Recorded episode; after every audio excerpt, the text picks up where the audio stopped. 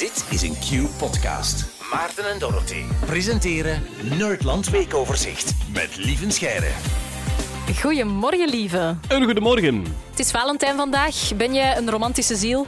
Goh, ik heb nooit echt aan, aan Valentijn gedaan. Zo. Enfin, vroeger vond ik dat dan zo wat, zo wat melig. En ehm, mijn vrouw vond dat dan ook melig. En dan op een bepaald moment komt er zo een onaangekondigd jaar waarin ehm, mijn vrouw dan opeens zegt van zeg, en gaan we niks doen voor Valentijn? Ik dacht van, oh, maar ik dacht dat je dat melig vond. Ja, maar nu niet meer. En dan moet je dat zo rieken. Ja. Je moet dat zo geroken hebben. Dus eh, nu weet ik het nog niet. Iets symbolisch, denk ik. Een bloemetje. Maar ja, bij, bij een, in een gelukkig huwelijk is elke dag Valentijn. Hè. Ah, dat is schoon. Maar ja, je hebt, je hebt echt gelijk. Lieven, waar gaan we het deze ochtend over hebben? Ah, over een mysterie in Japan. Ja, kijk, ik heb speciaal een Valentijnsonderwerp eh, meegenomen. Hè. Dus eh, een, een, een withandgibbon in eh, de Japanse zoo Kuyokushima in eh, Nagasaki. Die is bevallen van een kleintje zonder dat daar een mannetje bij zat. Die zat alleen in haar kooi. Geen andere withandgibbons in de zoo. En dat is dus al twee jaar een mysterie. Ze noemen dat ook wel een onbevlekte ontvangenis hè, in het eh, katholieke geloof. Inderdaad. Ja, een, een soort onbevlekte ontvangenis inderdaad. En dus de vraag was, wat is daar gebeurd? Het is hen eindelijk gelukt om een DNA-test te doen op het kindje. Dus uh, de, de moeder was heel beschermend naar dat kleintje, nogal logisch. En um, nu, na twee jaar, is het eindelijk gelukt om een DNA-test te kunnen doen uh, op dat kleintje. Een soort vaderschapstest. Wat bleek? De papa is geen withandgibbon, maar een zwarthandgibbon. Ja. De Unka is een andere gibbonsoort. En die zit wel in de zoo, alleen in een andere kooi. Dus is nog steeds het mysterie, wat is daar nu eigenlijk gebeurd? Een soort nachtelijke ontsnapping of zo? En wel ja, die hebben een afspraakje gemaakt Ja? in de damestoiletten of zo. Ja, Enfin, we spreken af aan de hagedissen of zo. ja, inderdaad, ja. Om 12 uur aan de aquariums. Ehm, dus dat waren gescheiden kooien. Hè? En die kooien zijn gescheiden van elkaar door een stalen plaat. Wat hebben ze ontdekt na de DNA-test? Ja. In de stalen plaat is een gaatje.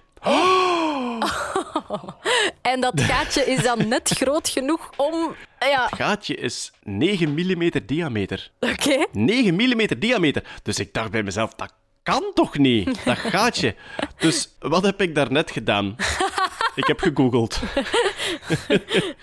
ik heb gegoogeld naar de anatomie van het spellement van de gibbon. Uiteraard. Ik kan u vertellen, Ulrike, mijn zoekgeschiedenis is om zeep voor de rest van mijn leven.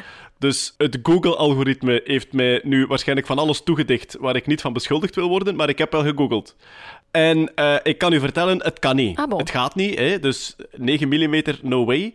Dus waarschijnlijk is er zelfs geen volledig contact geweest. Waarschijnlijk is er enkel een, laten we zeggen, een ehm, delivery door het gaatje geweest. Zonder, dus ze hebben er zelfs geen plezier van gehad, denk ik. Enfin ja, meneer misschien een beetje, maar mevrouw niet echt, denk ik. Maar lieven, is dit nu speculatie of is dit wel degelijk het resultaat van eigen onderzoek bij jou thuis?